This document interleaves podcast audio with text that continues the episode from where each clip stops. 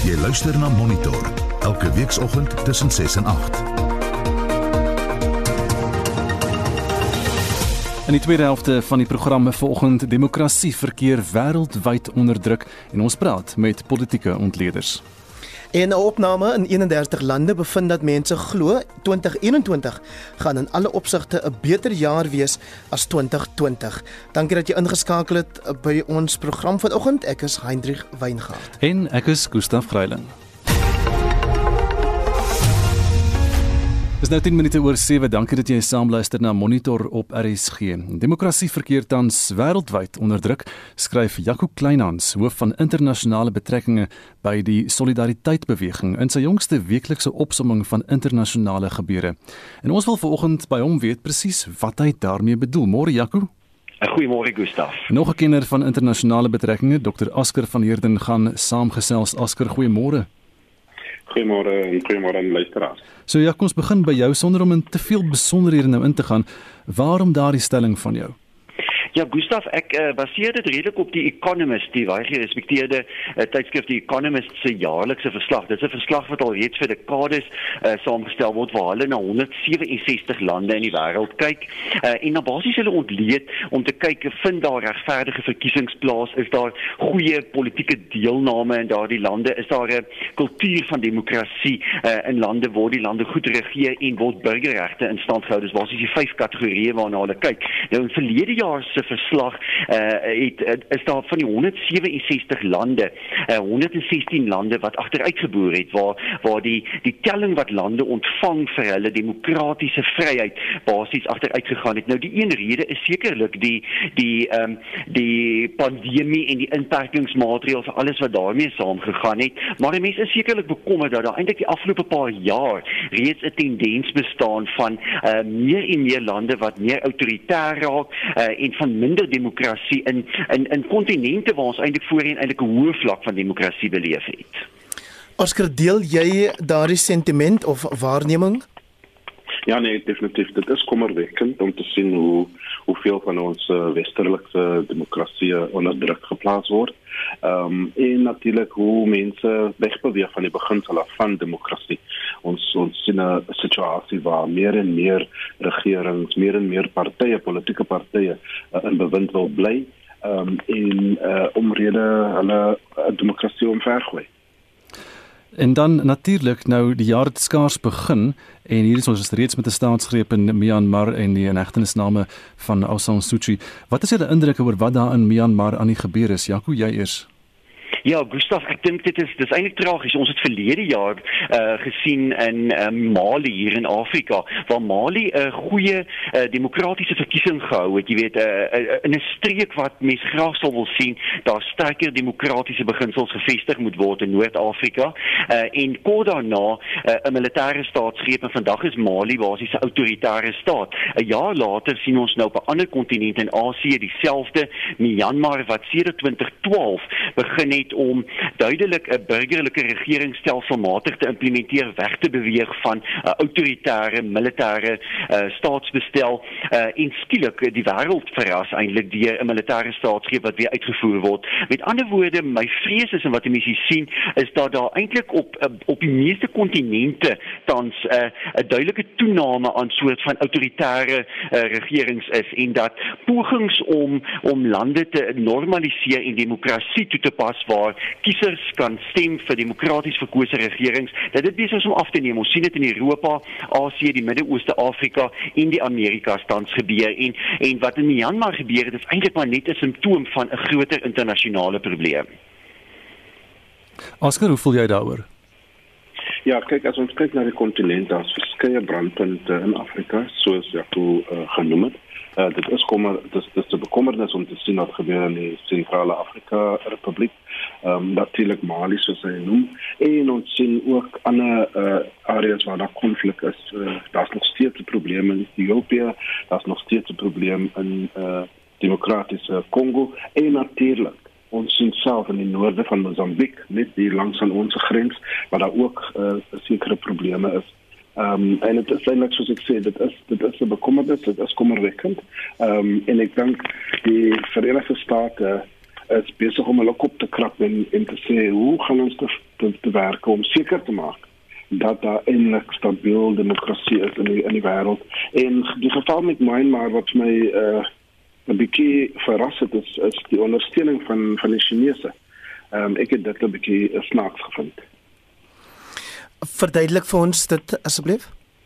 Nou, wat ek wat ek sê met dit is jy weet ons weet natuurlik die Chinese het hulle eie model van demokrasie. Dit is nie 'n westerse model nie.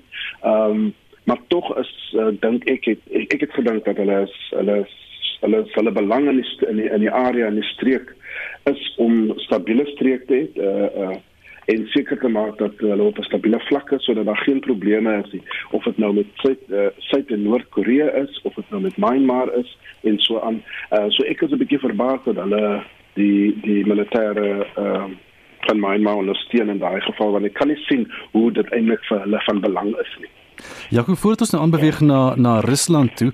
Ehm um, Oscar het nou iets gesê daar, het gepraat van Mosambiek en ons situasie in Mosambiek wat so 'n geweldige groot land natuurlik is daar erns in die noorde, ver in die noorde Cabo Delgado.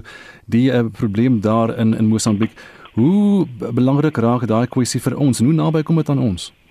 Ja, ek ek dink dit raak dit raak ons sekerlik in Suid-Afrika, maar dit raak ook definitief Afrika en en die die hele poging om stabiele demokrasie in Afrika te vestig, jy weet. Ek dink uh, die opkoms van terreur en terreurgroepe uh, in Afrika en die Midde-Ooste is 'n baie groot bedreiging vir vir demokrasie. As ons na die Midde-Ooste kyk, ons het ons het onlangs die 10 jaar herdenk van die Arabiese lente uh, waar jong mense veral in opstand gekom het in Arabiese lande en gesê dat ons wil 'n groter mate uh, van demokrasie uh, wil ons beleef en daar was 'n groot poging uh, om demokrasie te bewerkstellig in Noord-Afrika lande. Ons dink byvoorbeeld aan Egipte. Ons het in die Midde-Ooste uh, gesien dat daar verkiesings plaasgevind het in verskeie lande, uh, Irak uh, en Afghanistan en ander lande, maar tog uh, indien ons 10 jaar later kyk, uh, sien ons dat uh, terreurgroepe steeds 'n houvas het in die Midde-Ooste en in Afrika uh, en dat daar die demokratiese poging van die Arabiese lente nie regtig geslaag het nie. Nou my vrees eintlik is dat dat hierdie ehm um, terreurgroepe besig is om duidelik te hergroepeer, te herorganiseer. Hulle doen dit in die Saalstreek daar in die, in die Sahara in die noorde van Afrika. Hulle doen dit in sommige Midde-Oosterse lande en hulle brei duidelik hulle aktiwiteite af met hierdie soort van filiaalgroepe uh, wat ontwikkel en een daarvan is dit wat ons in Mosambiek sien. So ek dink definitief dat uh, Mosambiek wat ook 'n land is met 'n uh, 'n uh, uh, uh, baie problematiese politieke kultuur uh, uh, maklik gedestabiliseer kan word uh, met met hierdie soort van terreur optrede en dit is 'n buurland van ons. Ons sien reeds uh, dat uh, van ons ander buurlande soos Zimbabwe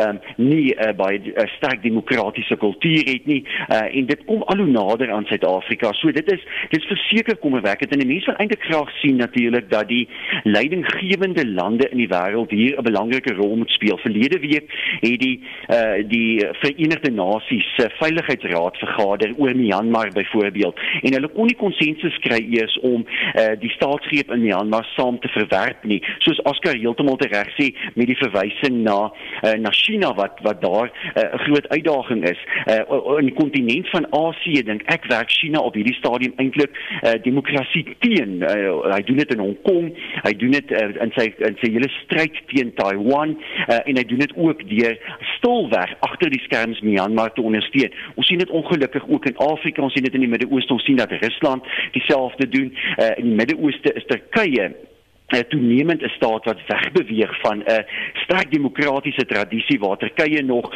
twee dekades gelede sekerlik 'n 'n voorbeeldige demokratiese staat in die Midde-Ooste was en waar Turkye tans agter die skerms aktief demokrasie ondermyn in in verskeie Midde-Oosterse lande. So my kommer eintlik is dat daar klop magte agter die skerm werk uh, om van hierdie sukkelende demokrasie in die ontwikkelende wêreld uh, te ondermyn. En dit is een van die redes is hoekom ons eintlik uh, globaal sien dat daar 'n uh, 'n demokratiese agterstand besig is om te ontwikkel en die hele pandemie het dit eintlik so 'n bietjie blootgelê die afgelope jaar en eintlik maar net beklemtoon. Eintlik net vir ons gewys in watter krisis demokrasie tans verkeer.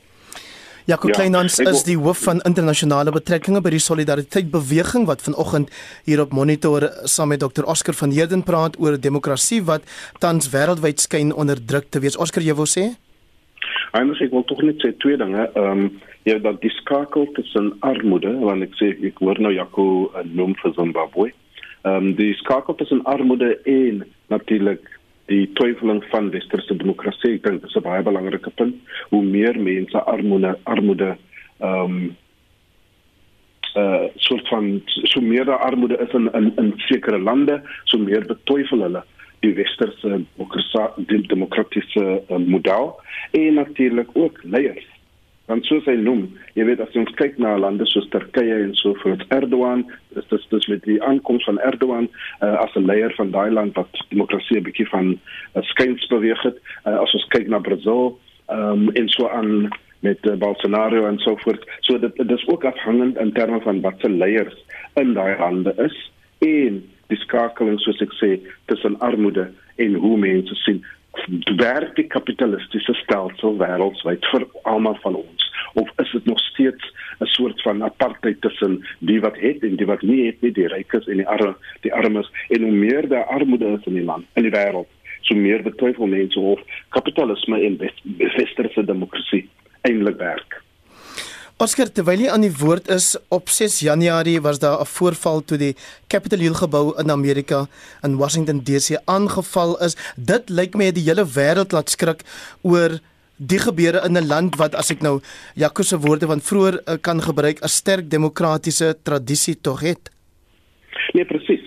Uh jy weet die die, die rede hoekom die wêreld so geskok was is om te sien 'n baie sterk demokrasie soos die FSA jy weet meer as 300 jaar hulle beginsels is is is, is regtig uh, gegrond in demokrasie. Hulle hulle is so ehm um, proud oor dit dat hulle dit eintlik uitvoer uh, deur die wêreld en bereid is om oorlog oorloë te uh, te het met ander lande om seker te maak dat hulle daai tipe van model het en dan sien ons hoe vryel dit eintlik is uh, en hoe gou dit uh, jy weet dit dit kan ondermyn word deur burgers dat hulle eintlik nou die capital kan kan uh aanval en uh jy weet 'n uh, grap maak van wat ons gedink het was 'n baie sterk demokrasie. Uh, Jaco, uh, hy praat net so van Amerika. Trump se invloed natuurlik baie groot. Hoe groot is hierdie Trump faktor in terme van demokrasie? Oor jare lank nou sy hou vas daar in Amerika op die Republikeinse party wat een van die demokraties verkose partye is, maar sy impak is groot. Absoluut so, Gustaf. Ek dink as ons kyk na na Amerika se rol in die wêreld, jy weet, en ons gaan net 'n uh, tweede dekades terug, dan het Amerika se president nog gesê dat Amerika 'n rol moet speel om demokrasie na die res van die wêreld te neem.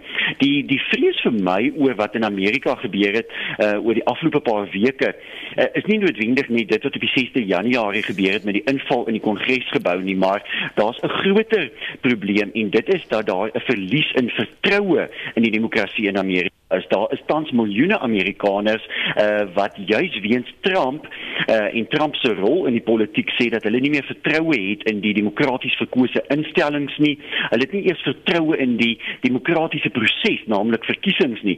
Nou indien een van die heel belangrikste demokratieë in die wêreld uh, in daardie posisie verkeer waar 'n goeie uh, 30 tot 40% van sy kiesers vertroue in sy proses en sy kultuur van demokrasie verloor, dan dan het ons 'n 'n groot probleem. Dan kan Amerika nie eintlik uh, in die res van die wêreld 'n uh, 'n uh, uh, konstruktiewe bydrae lewer tot die bevordering van demokrasie voordat hy sy eie huis in orde gekry het. Nie so Amerika het 'n baie baie groot probleem en die probleem is baie groter as 'n paar honderd mense wat vensters en deure oopgebreek het by Kongresgebou wat baie simbolies van die hele probleem was. Hulle het 'n probleem dat daar op verskeie vlakke van die politiek in Amerika 'n verlies aan vertroue was. Nou dit het gebeur ook in ander lande en dis wat mense bekommerd maak. Ons sien dieselfde in sommige Europese lande waar peilings die afgelope tyd toon in Frankryk en in Brittanje get en in ander vooraanstaande demokratieë dat dat kiesers sê dat dat hulle het nie vertroue uh, in die proses nie. Nou die hele pandemie het 'n bydrae daartoe gelewer weens ja. die verlies aan burgerregte. Nou ek ek is bekommerd oor die hele vraagstuk van gaan burgerregte weer herstel word na die pandemie of gaan uh, ons eh, 'n uh, soort van um, oor die medium tot langtermyn 'n permanente verlies in burgerregte sien soos wat regerings natuurlik ingegryp het mense se se privaatregte ingeperk het kom dit alles weer terug Ja, Jaco Jaco raak byt net vas Oscar. Jaco raak 'n uh, kwessie aan wat natuurlik ook baie relevant is vir Suid-Afrika op die oomblik, Oscar, die inperking van mense se burgerregte, maar dit speel alles ook af teen die agtergrond van wat ons dan seker die Zuma faktor kan noem. En jy skryf vandag op Daily Maverick oor wat nou bekend staan as die Nkandla teeparty. Ja, kyk, ek wil net een ding noem voor die burgerlike regte en dit is in terme van die Trump faktor. Ek dink ons moet ook uh, wat belang is vir Suid-Afrika is, daar was ook die die die wat wat voor 'n dag gekom het is die raskwessie en die die feit dat dit nog steeds nie 'n oplossing gevind is in hoe eh uh, die die verskillende rasse in die VSA met mekaar eh uh, ehm um, deel uh, jy weet uh, inter interact en so aan. So ek dink daar is 'n element van dit wat ons ook moet bewus wees van. Ehm um, want uh, jy weet as ons a, as 'n as ons 'n oplossing kan vind in terme van daai kwessie uh, vorentoe, gaan dit ook vir ons 'n uh, uh, beteken dat ons ons demokrasie sterker maak en ek dink dat dit 'n baie belangrike punt. In terme van burgerlike regte, ja nee, ek dink dit is jy weet my my uh die, die manier hoe ek dit sien Heinrich is dat Ehm um, ons het mos nou 'n pandemie gehad. Niemand het gevra daarvoor nie.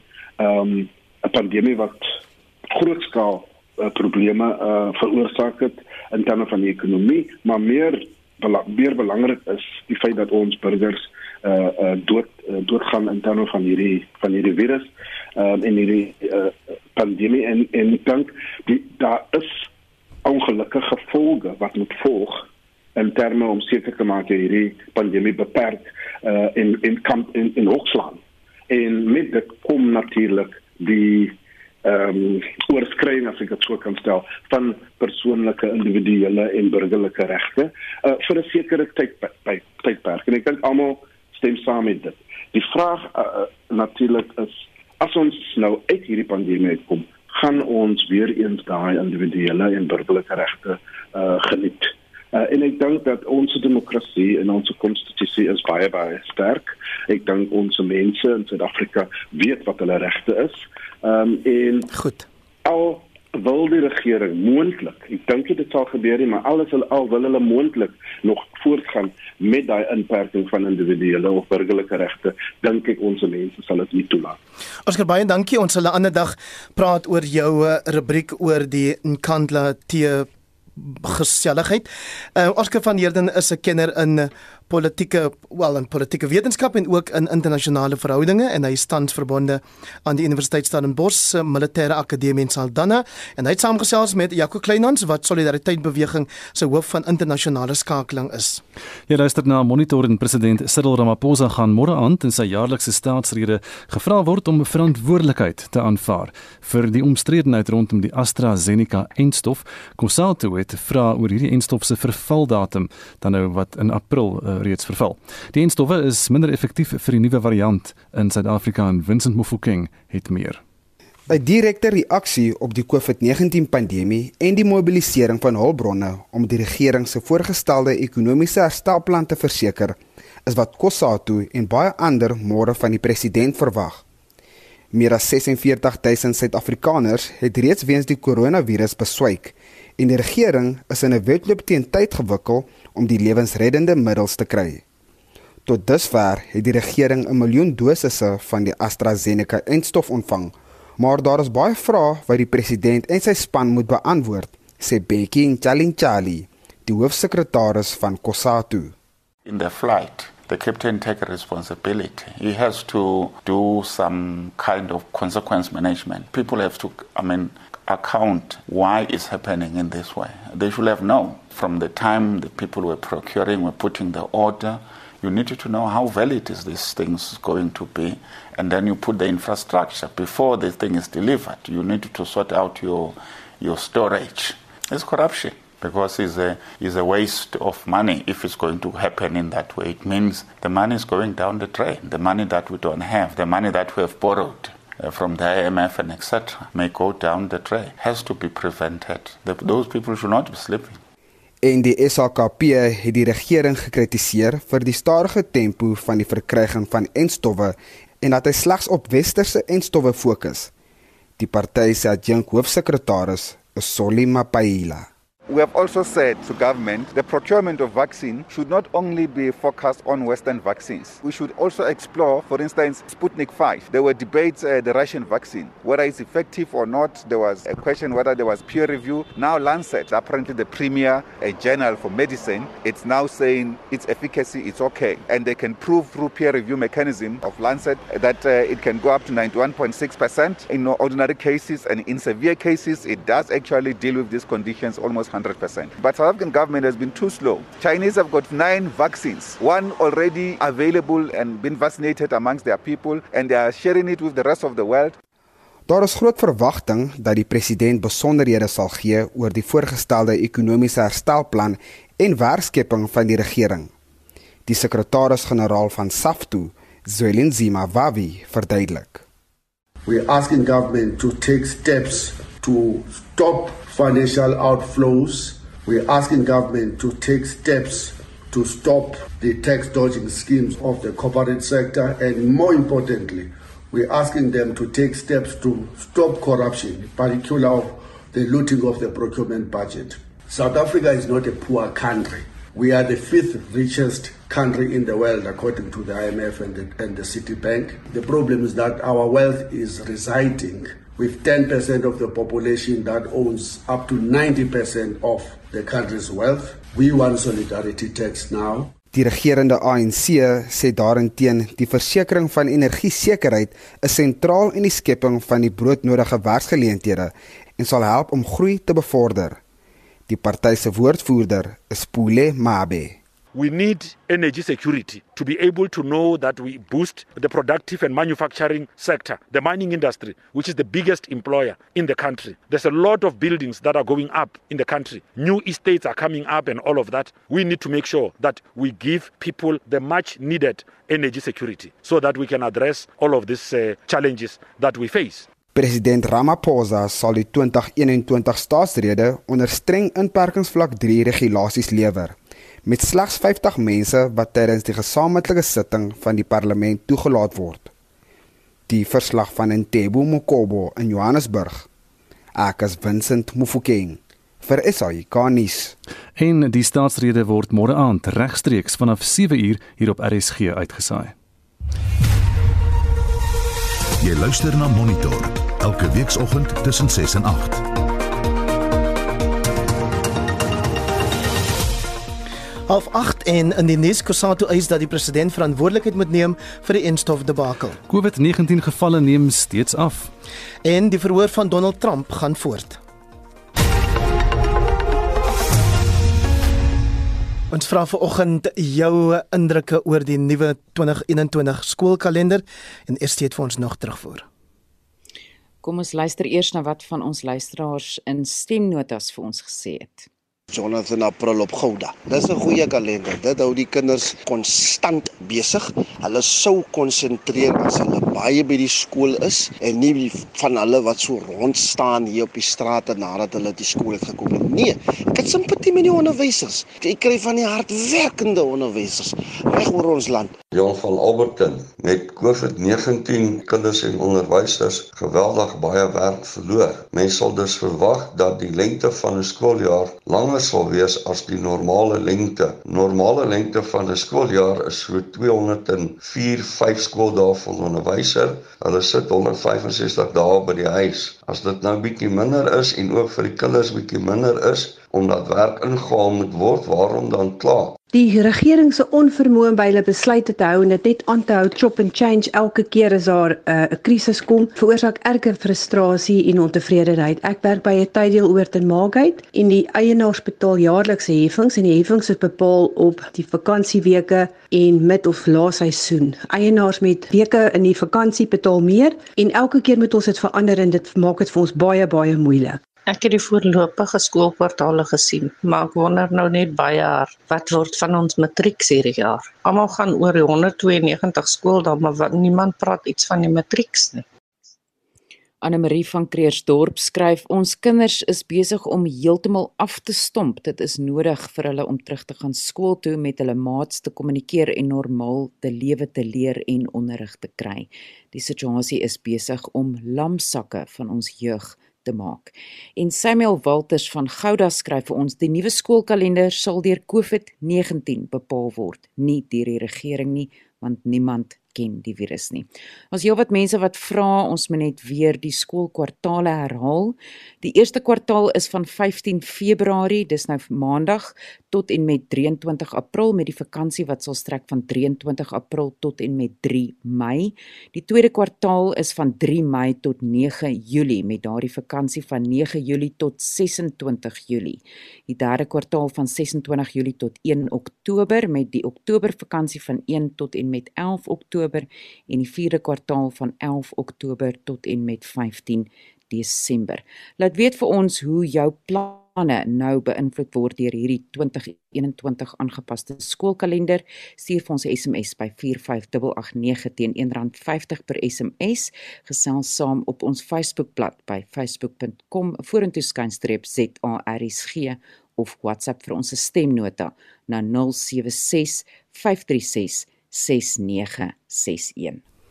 Dis nou 7:36 op Monitor en ons verskuif die fokus na gebeure in ander dele van die wêreld. Die verhoor om oud-president Donald Trump in 'n staat van beskuldiging te plaas duur voort. Ses Republikeine het saam met die Demokrate gestem dat dit nie ongrondwettig is om die proses te begin teen 'n voormalige president nie en Marlene Forsie het vir ons die inligting. Ja, Trump geniet steeds heelwat steun in die Republikeinse kamp en dit kan beteken dat hy nie skuldig bevind gaan word nie. Nou indien hy skuldig bevind word en die kans daarvoor is baie skraal, sal hy verbied word om homself weer as president verkiesbaar te stel. Jennifer Kearns, die aanbieder van verskeie konservatiewe TV en radioprogramme, sê egter sy glo nie Trump het geweld aangehits nie. He did use the word fight several times, but among the 10,000 words uttered out of his mouth that day, there was nothing really that rose to the level of incitement. However, I do think that his usual cabal of advisors, people like Steve Bannon, people like Roger Stone, gave bad advice, and obviously they were up to some antics. And I do think that his advisors around him did cause some of the riots on January 6th. Ja, en hierdie toespraak um, het volgens die Republikeine gelei tot die storm van die Kongresgebou. Nou die Demokrate het verrigtinge afgeskop met 'n video van Trump se toespraak. Die aanklaer, Jamie Raskin, het getuienis gelewer oor die gebeure binne die gebou en hy het sy dogter op die dag saamgebring werk toe. She said, "Dad, I don't want to come back to the Capitol." of all the terrible brutal things I saw and I heard on that day. And since then, that one hit me the hardest. That and watching someone use an American flagpole with the flag still on it to spear and pummel one of our police officers ruthlessly, mercilessly, Nou bronne na Trump het intussen aan sien en gesê dat Trump sy hare uit sy kop wou trek terwyl die regsverteenwoordiger, sy regsverteenwoordiger Bruce Castor se openingsvertoë en dit word beskryf deur verskeie ontleeders as dwalend. Die groep internasionale spesialiste wat die oorsprong van die koronavirus in Wuhan, China ondersoek, het die media gister toegespreek oor hulle vordering. En een van die navorsers wat nou in die land is, Dr Pieter Ben Embarek van die Wêreldgesondheidsorganisasie, sê dit lyk nie asof die virus van diere na mense oorgedra is nie. It has not been possible to pinpoint any animal species as a potential reservoir for this disease and it doesn't look like there was wide circulation of the virus in any animal species in the country. Nou die boodskap wat in China herhaal word dat die virus die land binnegekom het op gevriesde voedselprodukte, begin nou ook weer klink in die Wêreldgesondheidsorganisasie. Maar wat wel duidelik is, volgens die WHO se Dr Pieter Dasak, is dat die virus nie in 'n laboratorium ontwerp is nie. A very large group of experts have looked at this. They've been to the various labs around the region um, talked to people, asked critical questions, got critical answers, and they've come to their conclusion, and I have as well. And what they say is extremely unlikely, and that stands alone. Raina McIntyre van die Kirby Instituut aan die Universiteit van Kensington in Australië sê egter meer deursigtigheid is nodig. To be useful to actually know what data was made available to the team and what data was not made available to the team, and then the evidence base on which they've made their findings. I think the only hope of learning more is through independent research. I think the WHO has limitations in its capacity simply because they have to consider keeping their member states happy, and China is a big contributor to the WHO. Dit was Reina McIntyre van die Kirby Instituut aan die Universiteit van Kensington in Australië. En ons eindig op 'n goed voel noot 'n uh, Europa se oudste inwoner, Frans Non, wat een van die dae 117 jaar oud sal word, het die COVID-19 virus laat les op sê. Ja, Lucille Randon wat sedert 1944 bekend staan as Suster Andre, het in Januarie positief getoets, maar nie enige simptome getoon nie en sy het nie eens agtergekom sy het die virus nie, maar toe het sy self afgesonder nou die vrou wat blind is en rolstoelgebonde is, gaan haar verjaarsdag vanjaar bietjie anders vier met heelwat minder mense. Sy is na alle aanduidings die tweede oudste mens op aarde. Dan Marlene Forsie met vanoggend se wêreldnuus hier op monitor. Die navorsingsmaatskappy Ipsos sê 2020 is wêreldwyd as die swakste jaar in 'n lang tyd bestempel. Maar volgens 'n nuwe Ipsos Global Advisor opname in 31 lande, is mense opgewonde dat 2021 dalk in alle opsigte 'n beter jaar kan wees. En ons praat nou met die direkteur en politieke ontleder van Ipsos Suid-Afrika, Marie Harris. Marie, goeiemôre. Goeiemôre, Gustav. Hoe en wanneer het julle hierdie opname gedoen? Dit is aan die einde van verlede jaar gedoen, die veldtog tussen die 23 Oktober en die 16 November. Dis aanlyn gedoen en uh, van ons kantoor in Kanada waar die studie uitgestuur word na 31 lande op ons uh, 'n gebruike paneel. Ehm um, uh, wat uh, ewe kanse gekies is om die vrae te antwoord. In Suid-Afrika natuurlik is daar omtrent 2/3 van Suid-Afrikaners wat toegang het tot die internet of op hulle eie rekenaars of op 'n selfoon. So hierdie data moet ons in ag neem is verteenwoordigend van ongeveer 2/3 van Suid-Afrikaners. En wat het die studie uh, Marie getoon oor deelnemers se beskouings van 2020? Goeiemôre Hendrik. Ehm um, die mense het Suid-Afrika is meer as 9 uit elke 10 het gesê dat 2020 regtig baie slegte jaar was. Ehm um, Suid-Afrika, Argentinië en Frankryk was aan die bopunt van die lys, almal 95% van mense wat sê dit was regtig 'n slegte jaar. Gevolg deur die Verenigde Koninkryk, Turkye en Amerika ehm um, 94% van mense in daardie drie lande het gesê dit was regtig 'n slegte jaar. Ehm um, in terme van vir hulle eie land. Maar ehm um, ons vra ook vir jouself was dit 'n slegte jaar. En dit het ook so 'n slegste syfer wat ons gekry het, het mense oor hulle self gesê sedert 2012. Ehm um, hulle is nie so kritiek krities skies is regwoord. So krities daaroor vir hulle self as vir hulle land nie. Maar Suid-Afrikaners spesifiek is baie baie negatief oor 2020, maar ons sien uit na 2021. Kon julle agterkom watter faktore bydra tot hierdie gevoel? Ja, daar is ehm um, heelwat faktore wat bydra tot die gevoel. As ek net so vinnig 'n gevoel vlug kan ehm um, maak oor die res van die studie, byvoorbeeld ehm um, oor COVID-19, ehm um, ons het minder hoop dat ons ehm um, onmiddellik of baie skielik eh uh, ehm um, instof sou kan kry. Ons ehm um, sê wel dat eh uh, suksesvolle instof ehm um, sal hierdie jaar ehm um, ontwikkel word, maar ons is nie heeltemal seker dat Suid-Afrikaners sal toegang kry tot die instof nie. Daar is ook ehm um, gevoelens in Suid-Afrika dat die ekonomie regtig nie baie goed gaan wees hierdie jaar nie dat ons ehm um, baie stadig gaan herstel indien ons gaan herstel. Ons het nie baie hoop vir ehm um, gelykheid in ons van inkomste in die jaar nie. Ons het ook nie baie hoop vir uh, dat vrouens en mans dieselfde betaal sal word vir dieselfde werk nie. Ehm um, en ten opsigte van uh, die gemeenskap en kultuur sê ons dat 'n uh, jaar van nou af gaan ons waarskynlik nog steeds maskers dra. Jy het dus 'n klomp kwessies aangeraak. Een van hulle is die ekonomie. 'n Groot persentasie van die wêreld het gesê hulle verwag dat aandelebeurse en die markte uh, in duie gaan stort. Dit gebeur nie in hierdie stadium hier by ons nie. Uh, het julle 'n spesifieke vraag daaroor gevra en was dit duidelik hoekom hulle so gedink het? Wel, uh, ek dink dit het ehm um, ons het spesifieke vrae gevra. Uh, dit was een van die in die vrae in die battery vra oor die ekonomie. En soos jy sê, omtrent 40% van mense in die wêreld is die uh uh oor se 'n resultaat sê dat aandelemarkte wel onduidelik kan stop. Ek dink dit hang definitief saam met 'n slegte gevoelens oor die ekonomie. Want in die wêreld net bietjie meer as 50% sê dat daar 'n uh, hoop is vir 'n goeie ekonomie. So alles wat met die ekonomie te doen het, word eintlik in 'n baie slegte lig gesien. Tog sê julle Marie dat Suid-Afrikaners meer positief is oor wat in 2021 kan gebeur ten spyte van die stand van die ekonomie en ten spyte daarvan dat data hierdie VN nou bewys die president se verwagte beleggings ehm um, uh, uh, veldtog het ook nou nie regtig vrugte gedra nie. Mm. Anders dis is waar, soos wat ek reg aan die begin gesê het, Suid-Afrikaners as ons terugkyk op die jaar van 2020 is ons baie negatief daaroor. Maar as ons vorentoe kyk, dan is ons baie meer positief oor die jaar.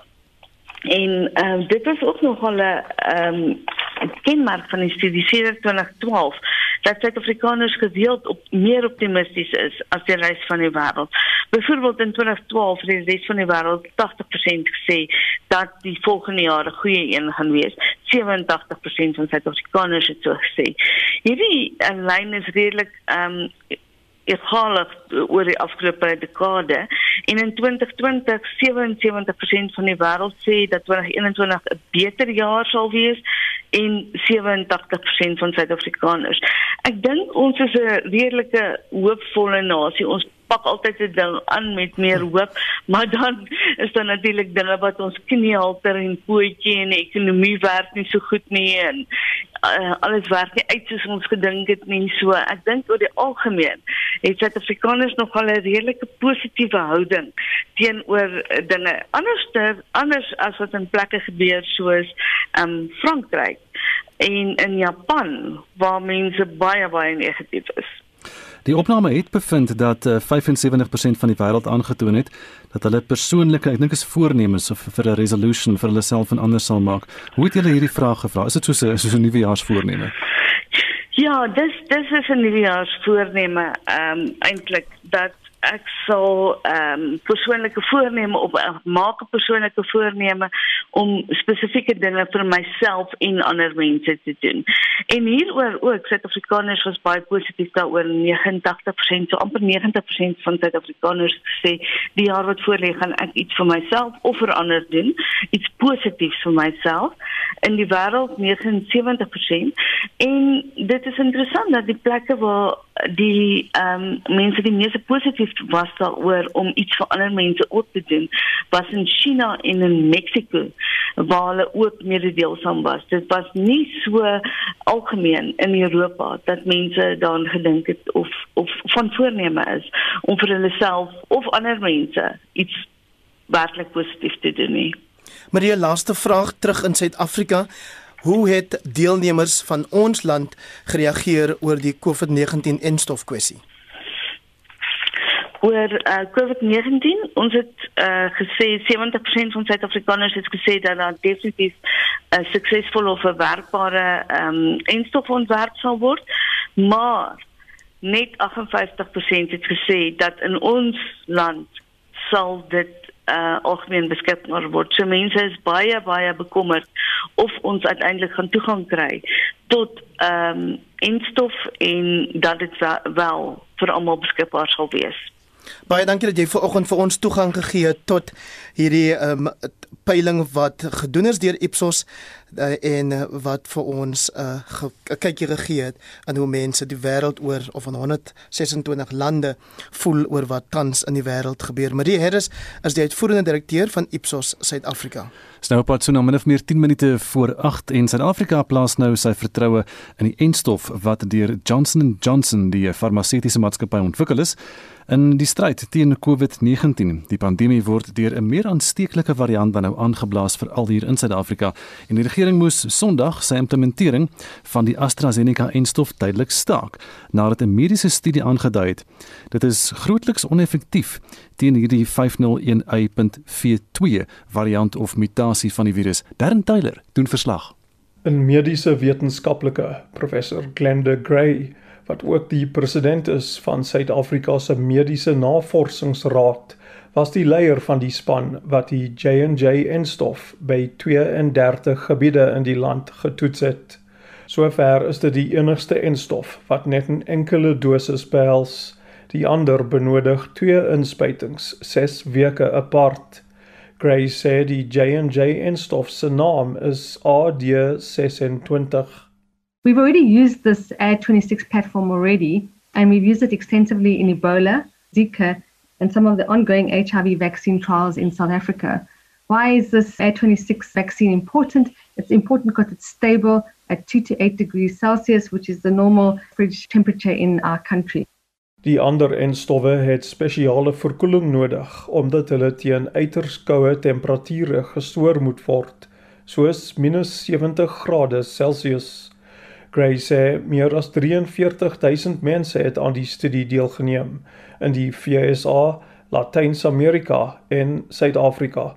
We had importantly lots of people over 60. A third of our participants were over 60, so we can answer the question about the elderly. 20% were over 65. Um 75 Sy verduidelik dat meer as 40% van die deelnemers onderliggende siektes gehad het wat individue baie kwesbaar maak vir ernstige COVID-19. Most of them had obesity or had diabetes or hypertension and 2.8% of our participants had HIV as well as other immunocompromised participants. This was important so we could get an understanding of how the vaccine worked in immunosuppressed people, including HIV infected people. Die studie is uitgevoer toe infeksies baie hoog was en nuwe variante van die virus begin het. Gray sê J&J se spanne wetenskaplikes het gewys die maatskappy se enstof werk goed om kritiese infeksies te voorkom.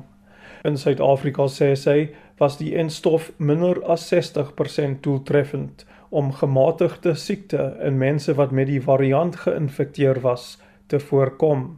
Maar dit was baie effektief in die voorkoming van ernstige koronavirus en sterftes van mense wat die variant gehad het. I think it's very important that we saw that the vaccine efficacy increased with the severity of the COVID-19 disease. So we saw high vaccine efficacy 85% at 28 days after the shot. Gray sê Suid-Afrikaners het die J&J enstof bitter nodig.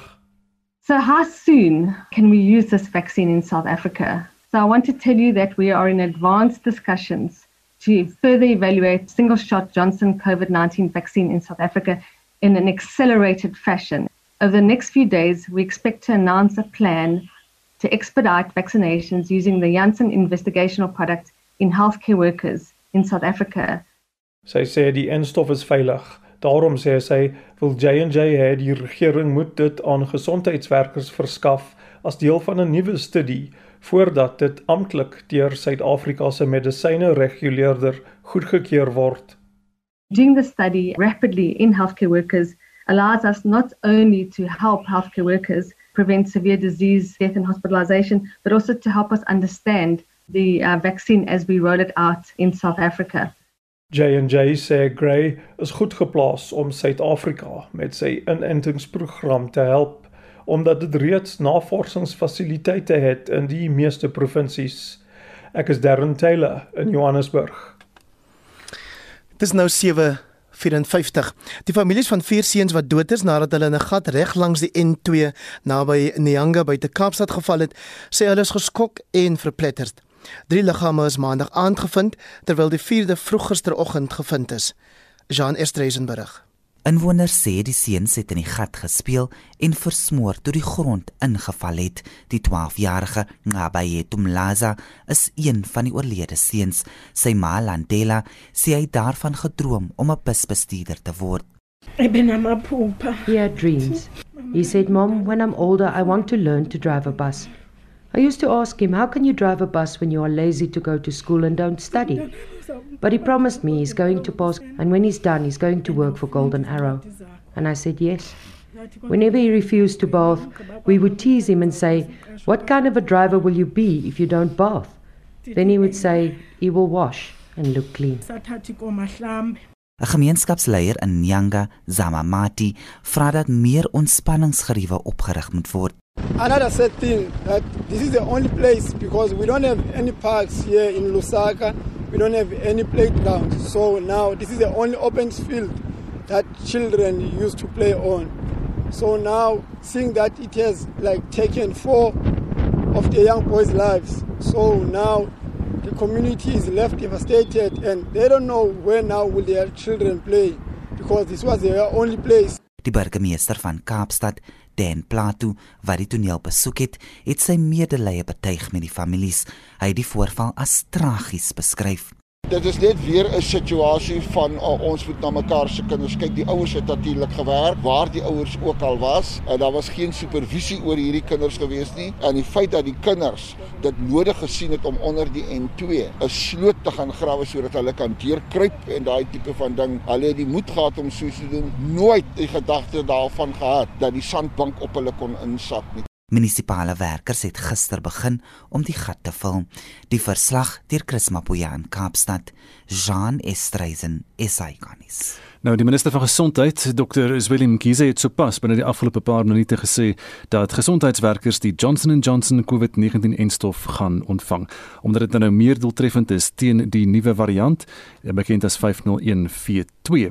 Die regering het vroeër besluit om die verspreiding van die AstraZeneca en Oxford Universiteit se enstof op te skort omdat voorlopige navorsing toon dat die enstof baie minder doeltreffend is teen hierdie nuwe variant. En Kiese het ook maandag met die ministeriële advieskomitee wat vergader. The Johnson & Johnson vaccine has been proven effective against the 501YV2 variant and the necessary approval processes for use in South Africa are underway. The rollout of the vaccination will proceed in the form of an implementation study with a partnership between the Medical Research Council and the National Department of Health vaccination sites across the country. This will now help us to get uh, to provide valuable information about the pandemic in the post-vaccination community and thus ensure early identification of breakthrough infections should they occur amongst the vaccinated health workers. In addition, the country has also secured the doses from uh, Pfizer for phase one rollout, so they'll be brought forward earlier than originally planned. Uh, has been through our negotiation. Die stem daarvan die minister van gesondheid Dr Zweli Mkhize. Daar is geen verkeer. In Kaapstad, die R300 noordwaarts net voor van Riebeek, daar is die regterbaan gesluit en vertragings op daardie pad die R300. In Gauteng heelwat van die verkeersligte buite werking, maar daar is puntsmanne aan diens by die meeste van hulle, so dit behoort nie 'n groot kwessie te wees nie baie van die verkeersligte in Pretoria wat dan 'n kwessie is. Wel in Arenie en Centurion bufferteen buffer verkeer op Nelmapies Rylaan tussen die R21 en Main Road of Hoofweg en hulle is nou al mense sê hulle is al vir 'n halfuur lank wat hulle daar sit in die verkeer in Irene.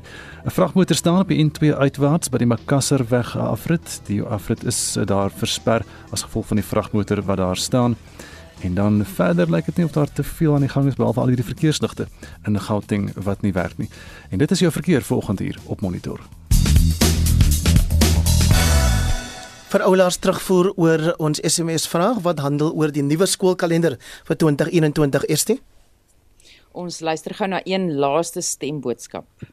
Die mense wat die vakansie skuif, dis die onderwysdepartement, het nie 'n idee wat hulle doen. Hulle dink glad nie aan die gevolge en die aksies wat daarop volg nie. As jy met mense net by die Kreer Wildtuin praat wat besprekings doen, jy kan nie glo die kettingreaksie wat dit tot gevolg het. Ek dink dit sou baie beter gewees het as hulle die skoorkwartaale net so gehou het en dit baie beter bestuur het. Verlede jaar het ons so rondgeneek met die skuif van die skoolvakansies dat ons op die ou ende eers in Oktober in die Kreer Wildtuin beland het en ons gaan altyd in die Julie vakansie. Dit was so warm, dit is ongelooflik en glad nie lekker gewees nie. Maar nou lê die dagboek vir Spectrum later. Ons gaan meer inligting bied oor die minister se uh, gesprek vanoggend oor daardie enstowwe. So as jy meer besonderhede wil hê, kan jy inskakel. Ons kyk ook na SA Express wat die media toespreek oor die likwidasieproses en die impak daarvan op werknemers se kontrakte en die Verenigde Arabiese State se suksesvolle marssending is een vir die geskiedenisboeke. Dis die einde van Monitor. Ons is môreoggend om 6:00 terug. Ons redakteur vanoggend en die waarnemende uitvoerende regisseur is Wessel Pretorius. Ons produksieregisseur vandag Lewona Bekes. Ek is Gustaf Greiling. En ek is Hendrik Weingart, Renske Jacobs, sy lees die agternuus.